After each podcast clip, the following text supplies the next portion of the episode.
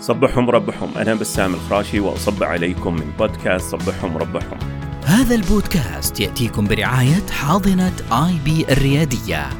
نتناول فيه مواضيع شيقة في ريادة الأعمال والابتكار. وعنوان حلقتنا اليوم البحث عن العميل. اليوم نكمل لكم قصة رائد الأعمال خالد من أحد حلقاتنا السابقة. عندي فكرة تطبيق تعرف مبرمج. اللي كان عنده فكرة تطبيق أفضل من أوبر وكريم. اليوم خالد راح للمبرمج لتصميم التطبيق وظهرت له أسئلة جزء جاوب عليها اجتهادا منه وبعضها ما حصل لها إجابات خالد كأي رائد أعمال هو شخص يطمح بأن يكون مشروعه حل لمشكلة حقيقية لدى عملائه. ما يكون فقط مجرد تطبيق جديد يحاكي أفكار سابقة موجودة في السوق. ومن هنا ظهرت تساؤلات كثيرة عند خالد حول تجربة العميل. من هذه الأسئلة متى ممكن أسأل العميل المحتمل؟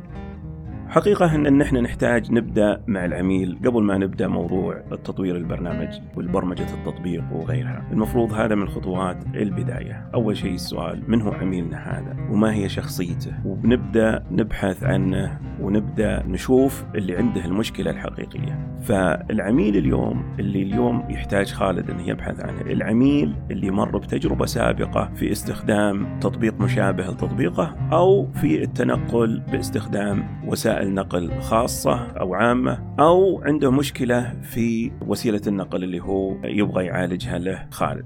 فدائما نبحث عن العميل اللي يواجه المشكلة اللي مشروعنا بيحلها له. ومن هنا نبدأ نقدر ندخل معه ونسأله أسئلة معينة اللي هي نقدر نسميها البحوث النوعية. وهذا يفتح لنا تساؤل آخر اللي هو الفرق بين البحوث النوعية والكمية. البحوث النوعية هي تسمى بالإنجليزي qualitative research. المقصود فيها أني أبدأ أبحث عن الشخص اللي عنده نفس المشكلة وأبدأ أسئلة عن تجاربه. ما هي أسئلة؟ استبيان. الكمية هي عبارة عن استبيان. الاستبيانات تعطينا معلومات معينة لكن ما تستطيع أنها تعطينا معلومات تفصيلية عن تجربة هالشخص هذا في المشكلة اللي إحنا نسعى في حلها. أو إذا كان له تجربة في استخدام وسائل أو خدمات أخرى مشابهة لمشروعنا نفهم كيف تجربته في استخدامه وإيش المشاكل والتحديات اللي واجهها هذه المعلومات تساعدنا أن إحنا نفهم بشكل كبير العميل وهذا مهم في موضوع البحوث النوعية. البحوث الكمية الاستبيانات وهذا أشوفه كثير يستخدمونه. ممكن نستخدمها لكنها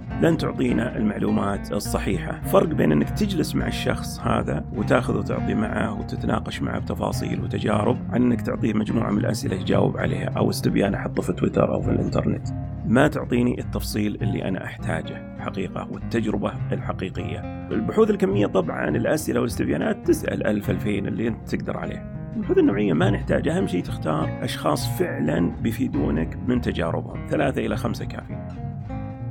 وش مزايا بحوث المستخدمين؟ مزايا بحوث المستخدمين اللي يسمونها user research اللي هي تتبع اللي هو البحوث النوعية، إني أستطيع إني أدخل في عقل العميل خلينا نقول وأفهم حقيقة سلوكه، اليوم المشاريع والتطبيقات اليوم نطورها وغيرها هي حقيقة تحل مشكلة عند الناس، والناس هذول عندهم سلوك معين وعادات معينة وتحديات معينة، مشاكل معينة، بحوث المستخدمين إحنا نفهم الأشياء هذه كلها ونقدر منها نفهم حقيقة أو نقدر نصمم نصمم شخصيتهم وتجربتهم. وهذا يفتح سؤال ثاني ما هي شخصية العميل؟ اليوم فيه أداة وفيه وسيلة تسمى باللغة الإنجليزية ال persona أو شخصية العميل. وهي أداة حقيقة ظهرت من شخص اسمه كوبر. كوبر هذا مطور تقني برمجيات وغيرها. استخدم الأداة هذه حقيقة في تصميم تطبيقات فعلا ناجحة بالنسبة له. كثير من التطبيقات اللي اشتغل عليها استحوذت عليها شركات كبيرة زي مايكروسوفت وغيرها. وهو اليوم يقدم خدمات الاستشارية. لكن أداة شخصية العميل هي اللي تحتوي على عناصرها اللي خاصة في الشخصية هذه سلوكه تحدياته المود حقه خلينا نقول المزاج حقه وغيرها من الأشياء اللي أنا تهمني اللي بتساعدني هي كأداة تصميم أني أصمم مشروعي أصمم تطبيقي حتى تساعد في تصميم حتى الواجهات وغيرها في الوصول للشيء المطلوب اللي فعلا يخدم العميل. واللي هي بالضرورة أنها بتساعدني في تصميم رحلة العميل. وهذا يفتح تساؤل اللي هو هل أنا أقدر أخدم الكل بالخدمة اللي أقدمها؟